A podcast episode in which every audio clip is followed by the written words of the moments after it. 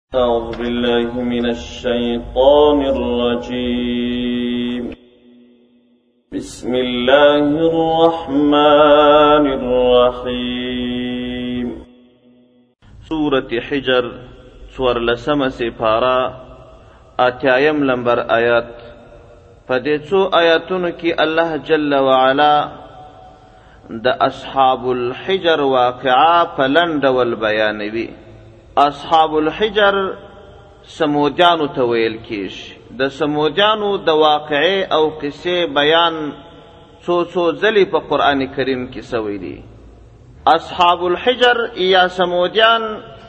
دې ته الله عز وجل صالح علیه السلام په پیغمبرۍ لېږلی و.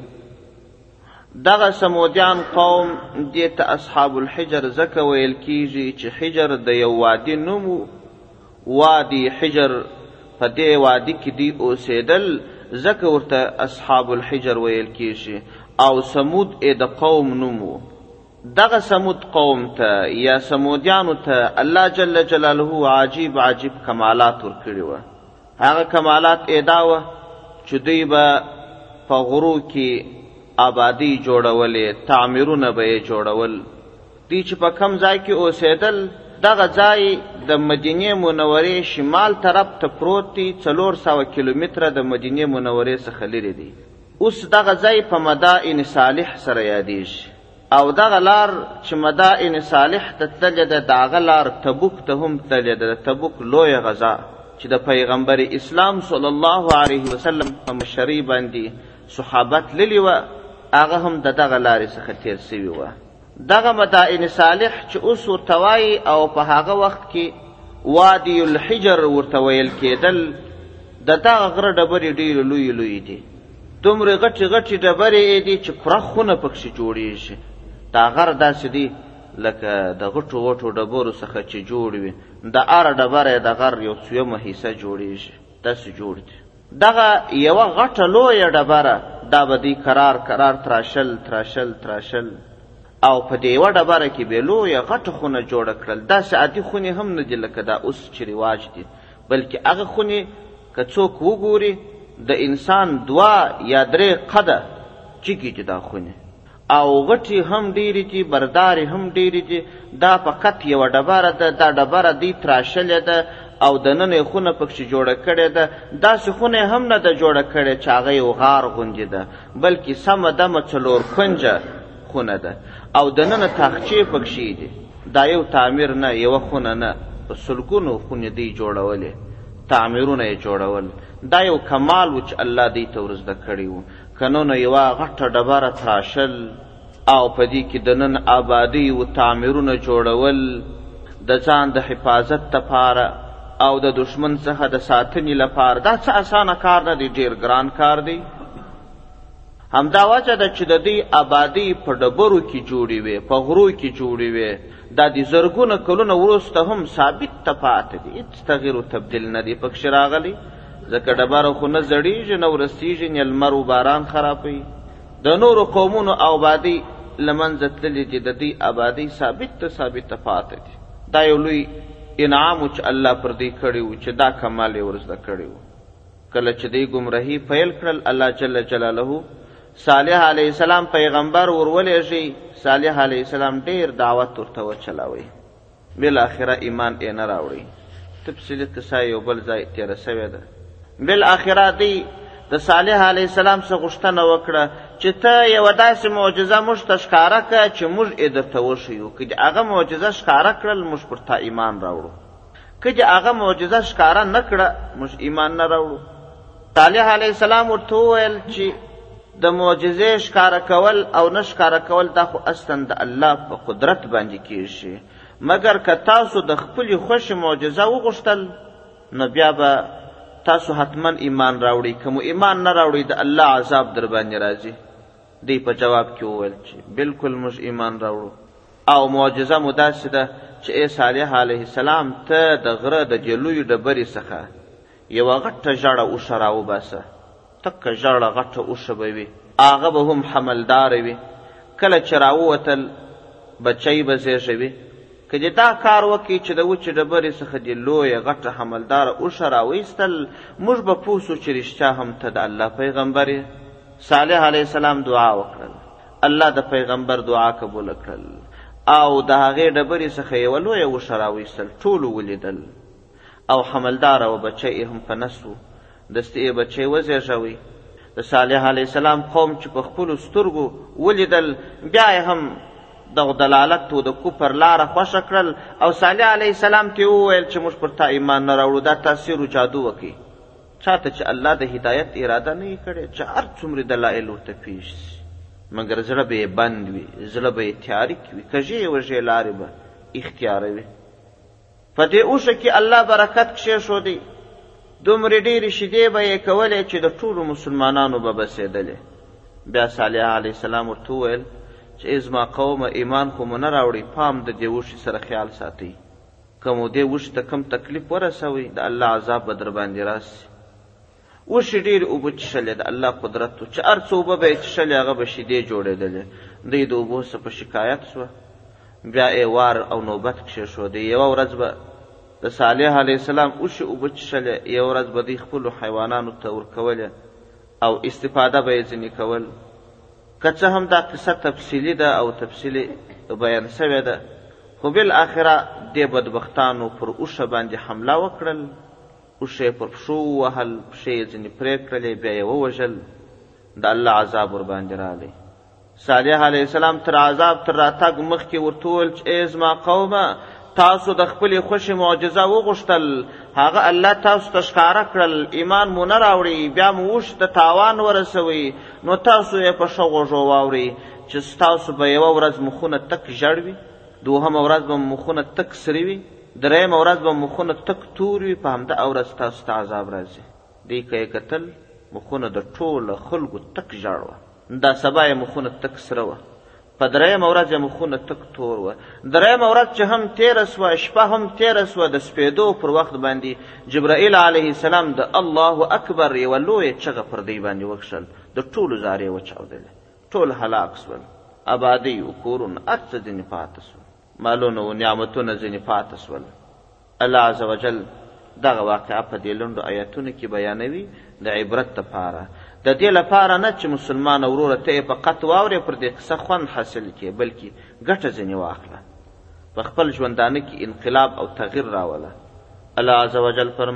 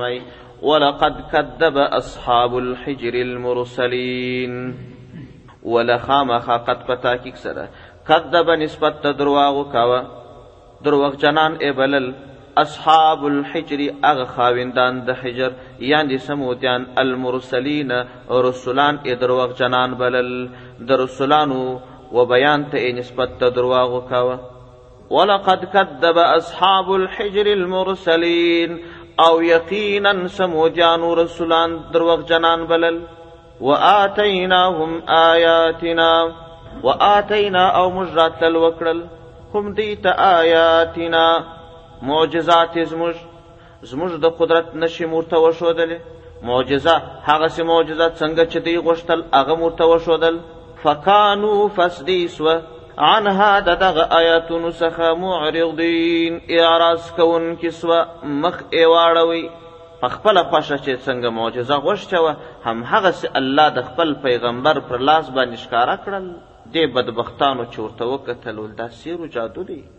وکانو ینحتون من الجبال بیوتا آمنین وکانو دی و ینحتون دی بتراشل من الجبال د غرونو څخه بیوتن کوټې د غرونو څخه به یې کوټې تراشلې په غټو غټو ډبرو کې به یې خونې تراشلې تعمیرات به یې جوړول آمینین دی به په امن و د دشمن او د اپتونو څخه دا کمال الله دی ته ورکړی بیا دی څه وکړل پر چپه لار ولاړل فاخذتهم الصيحه مصبحين فاخذت پس ونیول هم دی الصيحه چغې چغه د جبرائیل علی السلام ور باندې وختل مصبحین په وخت د سهار کې چې دی سهار کون کې و یعنی د سهار سپیدو وخت ور باندې راتی پر دغه مهال باندې یو لوی چغه د الله اکبر دا ور باندې وختل او ټول هلاک سول فما اغنا فس کفایت ونکی عنهم د دې څخه ما هغه عمل کانو چې ودی یکسبون کسب ئې کړی وو، دوی چې کوم کسب کړی وو، کومې کلاګانې، قوي او مضبوطې خونې، په غرو او په ډبرو کې جوړې کړې وې، هغو هیڅ ګټه ورته ونه رسول، ځکه د الله عذاب چې راسي، بیا انسان په هیڅ ځای کې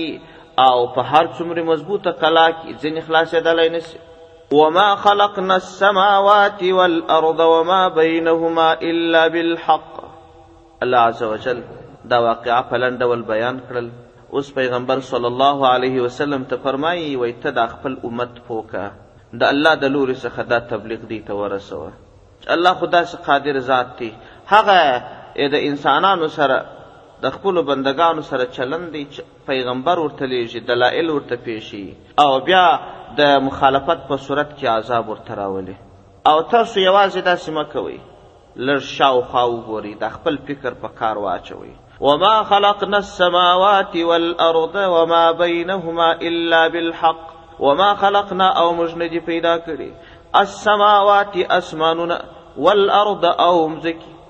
وما بینهما او هغه شیان چې په منځ کې د اسمانو او د مځکې دي الا خو مې بیا پیدا کړي دي بالحق په رښتیا سره په رښتیا مو د اسمانونو او مځکې پیدا کړي دي د دې اصلي خالق الله دی وان الساعه لاتيه وان بشك الساعه قیامت لآتیتن خامخارات دونکې دي او ستاسو سره به تاسو د اعمالو د ټول ذره ذره حساب کیش دا دلائل خو به پیغمبر علیه السلام پیش کړل بیا به هم د پیغمبر علیه السلام قوم د پیغمبر صلی الله علیه وسلم په مخالفت ودرېدل او مقابله به یې ورسره کول ازار به یې ورساوه ایمان به یې نه راوړي نو پیغمبر صلی الله علیه وسلم ته الله جل جلاله فرمایي وایي ته په دې ناراضه کېږه مه فاصفح السبح الجمیل فاصفح درګذر وکړه چشم پوشي وکړه الصفح الجمیل په نیک درګذر سره په یوه نیکه لاره په یوه نیکه طریقه باندې ځان د دوی څخه خلاص که او د دوی پر دغه بدو کړنو باندې په یو ښه رویه د دوی سره چلند وکړه او ډېره زړه تنګي مه کوه ان ربک هو الخلاق العلیم ان بېشکه ربک رب ستا چې دی هو دغه رب ستا الخلاق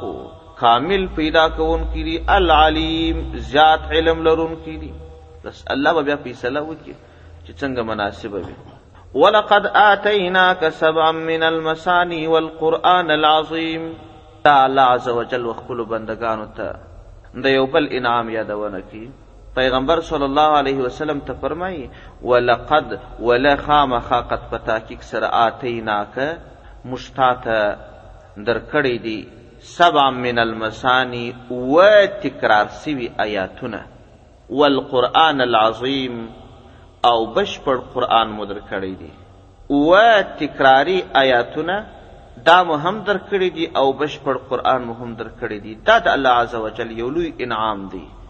ای حبیبه چې تا ته یې درکړی دی او تی خپل امت ته ورسوه اووه تکرار سوي دا نو څه شي دي بېلابېل اقوال مفسرینو پکښې کړي دي خو صحیح او راجح قول دا دی چې سبع من المثانی الله اووه تکراري آیاتونه تاسو ته درکړي دي د دې څخه الحمدلله مراد ده الحمدلله الحمدلله دا د ډېر لوی فضیلت والا صورت دی پیغمبر صلی الله علیه وسلم فرمایي وای الله عز وجل ما ته سورت فاتحه را کړې ده او قرآن کریم یې را کړی دی دغه سورت فاتحه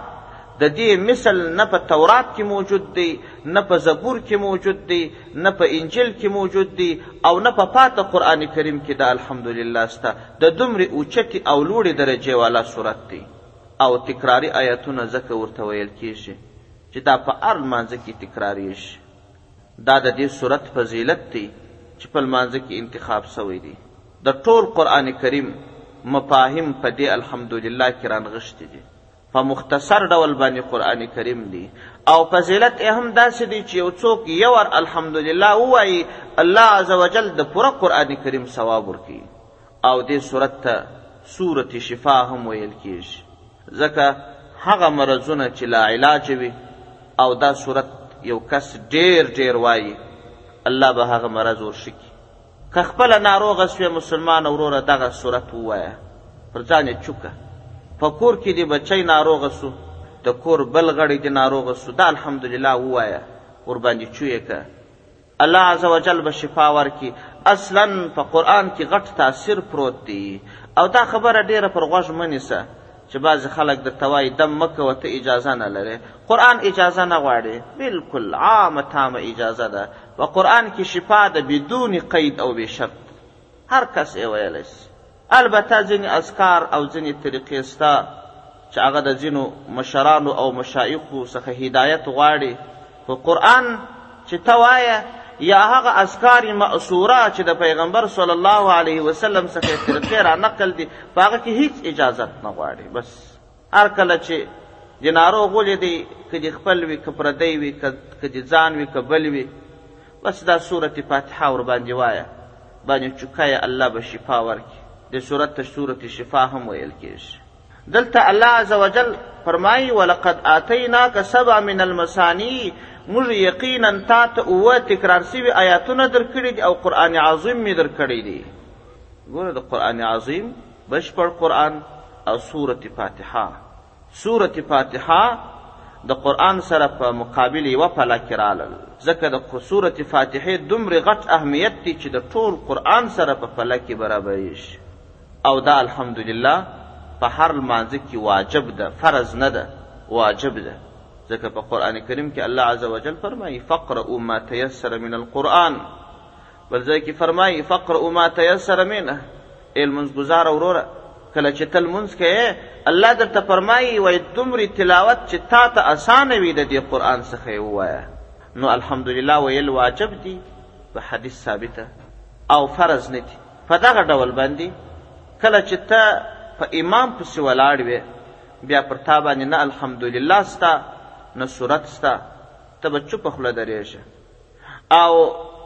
چې کله امام قرأت وایي قرأت که په زوره وایي که په کراره باندې وایي ته به چوپ درېږې هېڅ به نه وایه ځکه الحمدلله ویل د امام لپاره واجب ده، د منفرد لپاره د هغه کس لپاره چې یوازې لمونځ کوي د هغه لپاره واجب ده او هغه کس چې په امام پسې ولاړ وي د هغه دپاره په کار نه ده نه بیا وایي چوپه خوله به درېږي په دې اړه باندې ډېر دلایل سته چې په امام پسې ولاړ یې که امام قرأت په زور وایي که یې کرار وایي تا ته اجازت نسته چې ته الحمدلله وایي بیخي ډېر دلایل راغلي دي یو حدیث کې راځي لا صلاة الا بفاتحة الكتاب او کما قال هیڅ لمونځ جائز نه دی چې الحمدلله ورسره ونه ویل سي دا چا ته وايي؟ هغه چا ته وايي چې امامت ورکوي یا هغه چا ته وايي چې لمونځ یوازې کوي، دا ځینې مقصد دی او که ته په امام پسې ولاړ وې، په دې اړه باندې احادیث راغلي دي. ابو موسی رضی الله عنه فرمایي، وایي آن حضرت صلی الله علیه وسلم ما ته د لمانځه طریقه راښودل او راته یې وویل چې کله ته په امام پسې ودرېدلې نو امام که الله اکبر وایه ته به هم الله اکبر ووایه او که امام ولوطالین ووایه ته به امین ووایه او کله چې امام قرأت وایي فسکت چوپ سه څه مه وایه همدا ډول په دغه مفهوم باندې حدیث ابو هریره رضی الله عنه هم روایت کړی دی چې ان حضرت صلی الله علیه وسلم موږ ته وفرمایل امام تکبیر وایي ته تکبیر وایه امام چې ولوطالین وایي ته امین ووایه او اذا قرأ فسکت کله چې امام قرأت وایي بس ته چوپ سه بل حدیث کې راځي، ومن کان له امام فقراءة الامام قراءة له، څوک چې په امام پسې ولاړ وي چوپ به درېږي د امام قرائت د ده لپاره قرائت دی. په ټولو احادیثو کې داسې حدیث نشته چې پیغمبر صلی الله علیه وسلم فرمایلي چې څوک په امام پسې ولاړ وي الحمدلله ونه وایي لمونځ یې صحیح نه دی، داسې حدیث نشته قطعا. احادیث شته په لمانځه کې الحمدلله ووایاست البته هغه خطاب امام او منفرد ته دی امام شعبی رحمه الله فرمایي وای رسول اکرم صلی الله علیه وسلم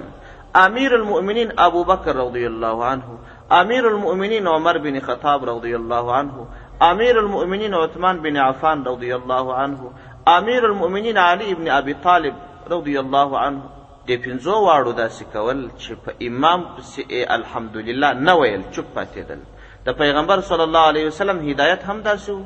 ابوبکر عمر عثمان علی رضی الله عنهم د دوی ټول معمول داسې وو اجازت ئې چاته نه ورکاوه چې په امام پسې څوک الحمدلله ووایي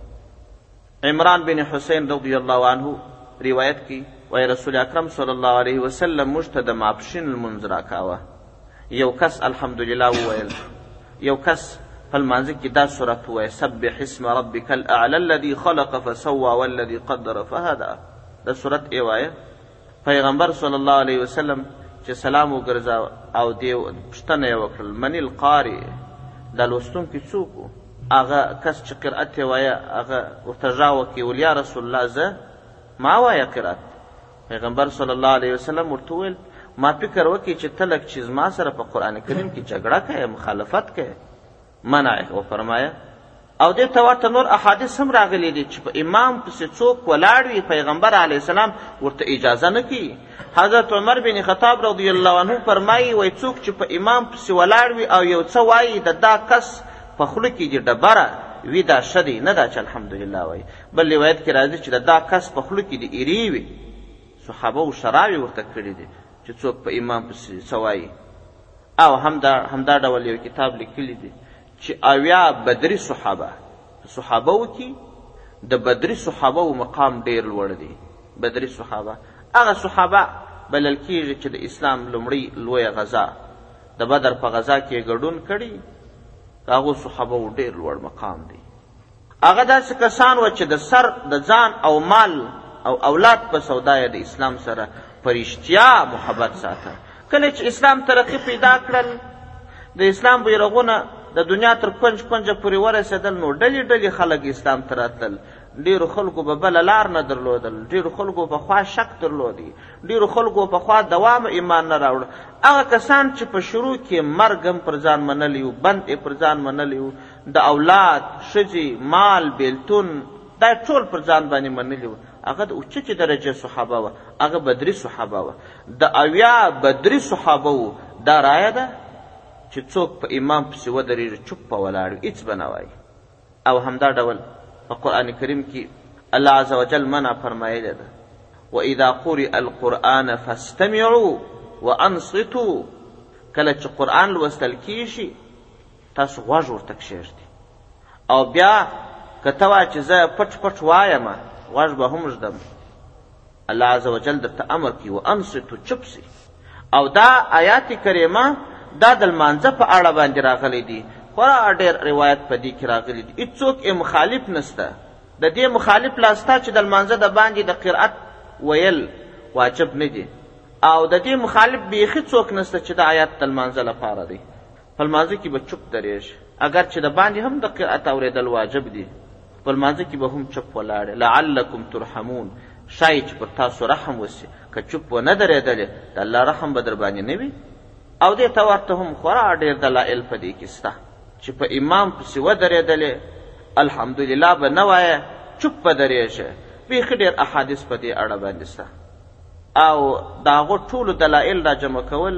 دا بیخي ټک ټکونه ټکونه جلدونه جلدونه کتابونه ځینې جوړېږي دومرې دلائل دي خو اوس داسې بدبختان بعضې سته وایي چې د دغه حنفي مذهب د خلکو لمونځونه نه دي سي ځکه دی الحمدلله په امام پسې نه وایي غیر مقلدین او بعضې ډلې ټپلې دلې سته او نوي پیدا سوي دي هغه دا خلکو ته وایي وایي په امام پسې چې ودرېږې الحمدلله به حتما وایه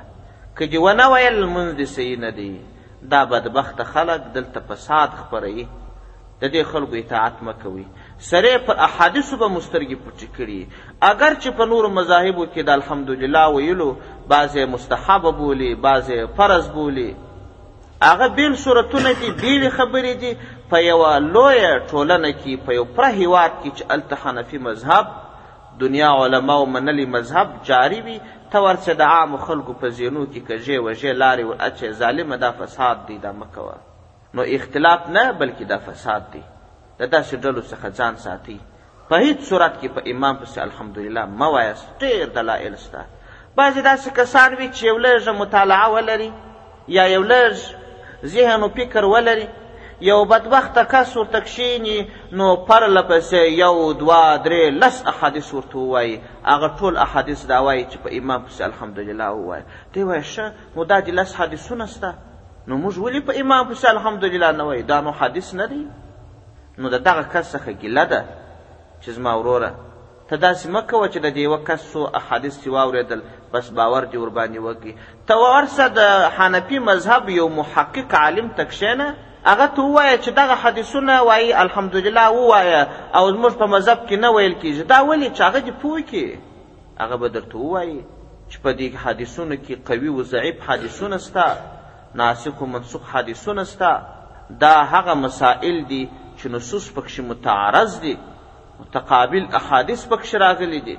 د دې طریقه به درته وښي پوه به دي کې په پټو سترګو مه روانېږه چې فقط یو چا دوه درې دلایل درته وویل دغه کس نو که چیرې په دغه درو څلورو پنځو دلایلو باندې خطا وتی حقیقت ته نه دی رسېدلی. یقینا حنفي مذهب پر غلطه فیصله نه ده کړې، بلکې څوارلس سوه کاله زیاتو کم پکښې علماوو دا خبره تایید کړې، څېړلې ده. دا کس چې داسې ژر د خپله مذهبه اوړي، دا نو سبا عیسوي کېدلی هم شي، ځکه د عیسویت، خدای دې ځینې وساته، چې په لاس ورشې داسې دلایل به درته ووایي، د دینه به دې خوا درباده کړي. ځکه شیطاني لارې خورا ډېرې دي شیطان خو داسې دلایل و چا ته جوړوي چې سړی حق پک ورته حیران سي په هر صورت دا خبره د سورت فاتحې فضیلت په ثابت دی نو سورت فاتحه په لمانځه کې ویل کیږي واجب ده فرض نه ده او په امام پسې نه ویل کیږي ځکه که چیرې فرض سي الحمدلله بیا نو که ته ورغلې امام په رکوع کې و تا په رکوع کې یو سبحان رب العظیم ورسره ووایه نو ستا خو د هغه رکعت وسو سره د دې چې الحمدلله دې نه ده ویلې نو که فرض پاته سي نو بیا کله بیا کله لمونځ صحیح کېږي مګر ستا د هغه رکعت صحیح دي پر دې باندې اتفاق د ټولو علماو دی په هر صورت راځو د آیت ترجمې ته ولقد آتیناک سبع من المثانی والقرآن العظیم او یقینا موږ درکړي دي و تا ته آتیناک موږ درکړي دي تا ته سبع من المثانی اوه تکرار سوي الحمدلله اووه آیاته ده او تکرارا په لمانځو کې ویل کېږي والقرآن العظیم او قرآن عظیم مې درکړی دی او هم دا ډول یو روایت دا هم دی چې د سبع المثاني څخه خپله قرآن مراد دی او دا قول هم سته چې خپله الحمدلله ته هم قرآن عظیم ویل کېږي والقرآن العظیم مې درکړی دی یعنی دا فاتحې ته هم قرآن عظیم ویل کېږي لا تمدن عینیک الی ما متعنا به ازواجا منهم پیغمبر صلی الله علیه وسلم ته فرمایي وایي ته به د دې کفارو ښه ښه مالونه قافلې کورونه دا به ووینې نو ته د دوی و مالو او د دوی جاه و جلالت ته سترګې مه ور اړوه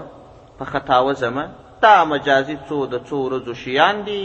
دا د الله امتحان او ازمایش دی په دی باندې بس د دې مالو جاه جلالت ته هیڅ مګوره د مؤمنانو سره په شه عاجزی خوشحال انداز کې گزاره کوه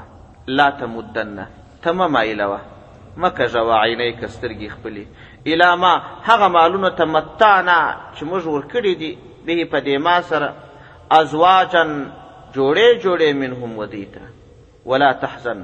او مته غمګینه کېږه علیهم پر دوی باندې څه په زړه کې دي غت ګروم مه کوه چې دوی دومرې مالونه لري او د دین څخه لرې دي او دین ته ولې نه راځي ولې مخالفت کوي ولې دلایل نه مني په دې باندې خامش نه کوه واخفض او کښته که جناحک وزر خپل للمؤمنین مؤمنانو لره خپل وزر د مؤمنانو ته کښته که یعنی په ښه عاجزانه انداز باندې د صحابو سره ګزاره کوه پیغمبر صلی الله علیه وسلم چې د صحابه په منځ کې ناستو چا به نه پیژندی د لیرې ځایو څخه به خلک راغلل په نبوي مسجد به راننوتل شاوخوا به یې کتل چې دا محمد صلی الله علیه وسلم دا به چیرې وي پر څومره غټ او جک اوچت تخت به ناست وي پر څنګه قالینو باندې به ناست وي پیغمبر صلی الله علیه وسلم به د عادي صحابو په ډله کې ناست چا به نه پیژندی نور باچهان داسې نه وه الله جل جلاله فرمایي واخفض جناحک للمؤمنین خپلې وزرې دي مؤمنانو ته کښته کړه ښه د عاجزۍ ګزاره ورسره وکړه او وقل ته ورته ووایه اني بېشکه زه چې يم انا زه النذير وېرونکی يم ستاسو په عذاب الهي سره المبين ښکاره ظاهر باهر زه په ښکاره باندې په روښانه ډول باندې تاسو د الله د عذابه بېروم او تاسو را منې کوم کما انزلنا لکه چې موږ نازل کړی دي علی المقتسمین پر ویشونکو باندې مقتسمین په دې کې څو قوله شوي دي. یو قول دا دی چې مقتسمین دا یهود وه. یهودیانو دا قرآن تقسیم کړی و. بعضو به یوه برخه منل بله به یې ردول. بعضو به بیا بله برخه منل هغه بله چې به دوی منل هغه به یې ردول. او یا مقتسمین خپل یهود داسې کسان و چې تورات انجیل زبور دا دی تقسیم کړي وو بعضې حصې یې منلې بعضې لغوه کولې بعضې حصې یې د ځانه ورته اچولې او یا دا چې د مقتسمینو څخه هغه کسان مراد دي چې بعضې مشرکان و د حسد و د عناد په وجه باندې به یې سخن په دې قرآن وایه او یوه به ویل چې سورت بقره دا زما سو سورت عنکبوت ته ستاسو،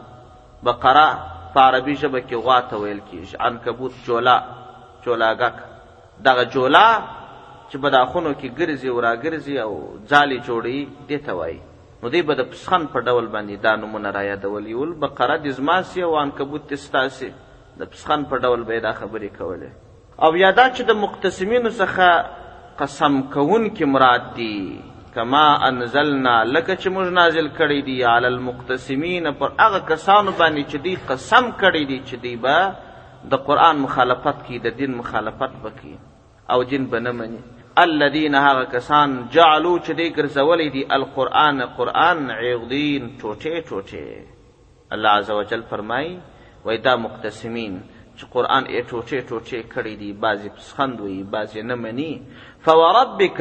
فستا په رب دې مې قسم ای حبیبه لنسألنهم خامخا به موږ سوال وکړو د دوی څخه اجمعین د ټولو څخه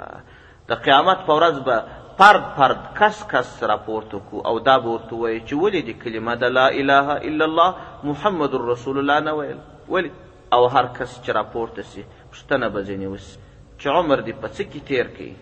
مال دې د کم طرفه راوړي او په څه کې دې مصرف کړي علم پوهه چې الله درکړې وه د هغه څه دې کومه ګټه واخیستل عامه د هغه څه څخه کانو چې د دې یعملون دی ای عمل کی د ټولو تن او سوال به د دې څخه وسی فاستع پس ته اوسېږه بما پر هغه طریقه باندې تو عمر چې امر درته کړل سوی دی کومه طریقه چې درته ښودل سوې ده پر هغه باندې ټینګ ودرېږه و اعرض او اعراض وکړه عن المشرکین د مشرکانو څخه د دوی څخه مخ واړوه انا بېشکه موږ چې یو کفیناکه موږ کفایت کوو ستا څخه المستهزئین پسخند وهونکي کم کسان چې په دین پسخند وي کم کسان چې ستا سره د پسخند طریقه اختیاري موږ یې کفایت کوو موږ یې د څه ګرځو موږ یې جواب وایو انا کفیناکه موږ یې کفایت کو یعنی د دوی څخه خلاص بس دوی به زه د څخه ګرځوم سزا به ورکوم الذين هغه کسان یجعلون چې دی ګرځي ما الله سره د الله اله اخر بل الله منی بوتان خدایان بولی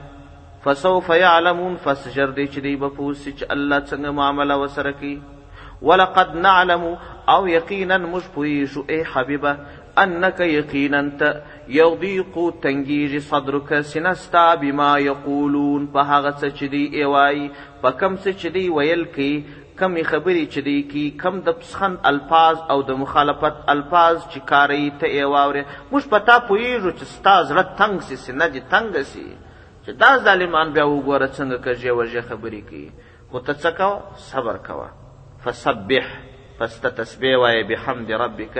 په حمد سره د رب خپل وکن سه من الساجدین د سجده کوونکو خلکو څخه سه د خپل رب تسبیح وایه او د ساجدینو څخه جوړ سه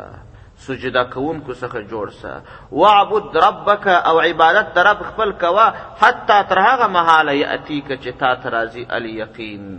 یقین درته راځي تر هغه مهاله چې تا ته یقین راځي تر هغه مهاله ته د الله عبادت کوه یعنی هیڅ وخت د الله د عبادت غافل کیږه مه پیغمبر صلی الله علیه وسلم سره د دې چې الله عزوجل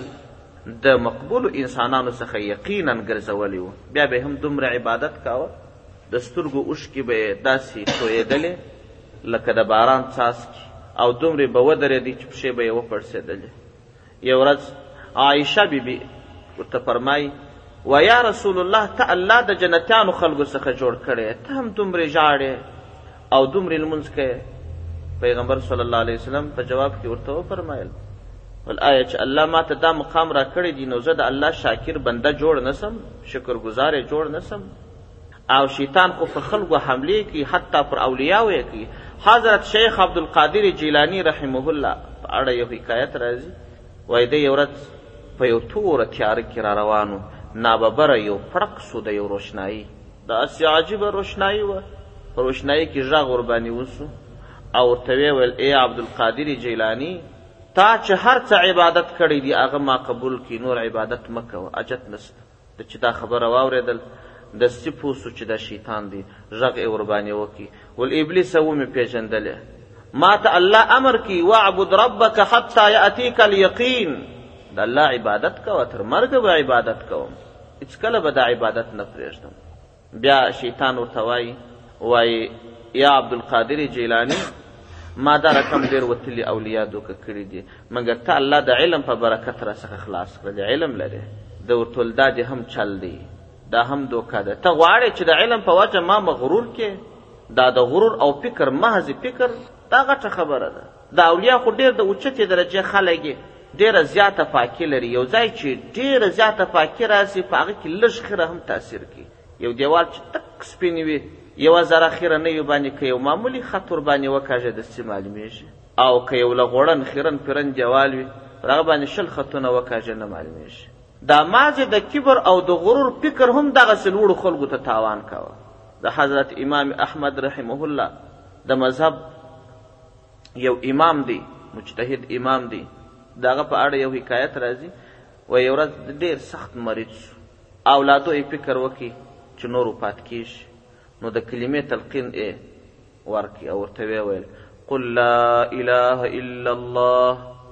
ای پلاره ووایه لا اله الا الله دی ورته وایي لا نه وایم ظاهره معنا یې ده بیا دی ورته وایي قل لا اله الا الله دی بیا ورته وایي لا هغه دریم وارې ورته وایي دی ډېر سخت پریشانه سوه چې دومره اوچت عالم او دومره خادم دومره عابد و زاهد هغه د مرګ په وخت کې کلمه نه وایي موږ د کلمې امر ورته کوو دی راته وایي لا لا یا نه وایم الله شفا ورکړل هغه یې د مرګ مرض نو کله چې جوړ شو اولادونه یې پوښتنه ځینې وکړه چې پلاره دا تا څنګه خبره کول موږ به درته د کلمې تلقین درکړي درته وبه مو ویل چې لا اله الا الله تا به لا ده ورته ویل چې زه ستاسو په تلقین بیخي هیڅ خبر نه یم پر ما باندې چې مریجي سخته سول حتی چې حواس مې د لاسه ورکړل ستاسو خبرې مې بیخي اورېدلې نه دي په دغه محل کې شیطان رالی ما ته یې ویل ولې احمده ته خو ډېر لوړ عالم یې او تا خو ځان خلاص کړی دی د چې دا خبره ماته کول زه خو پوهېدم چې په دې کې د ده چل دی چې زما ستایش کوي و ای احمده ته دومرې لوړ عالم یې الله څومرې علوم در کړي دي څومره خدمت دې کړی دی ما ورته لا داسې نه ده لکه ته چې وایې بیا بیا ما ته وویل ول ته ډېر لوړ عالم یې ما لا ما په دې لحاظ باندې ویل نه دا چې ستاسو تلقین ته مې جواب وایه نو په هر صورت شیطان خو حملې کوي د بېلابېلو طریقو څخه خو ته به هېڅکله پر خپل عبادت باندې باور نه کوې او مغروره کېږه به نه بس دا خبره یاد ساته واعبد ربک حتی یأتیک الیقین بس عبادت عبادت عبادت عبادت په دې کې کامیابي ده سبحان ربك رب العزة عما يصفون وسلام على المرسلين والحمد لله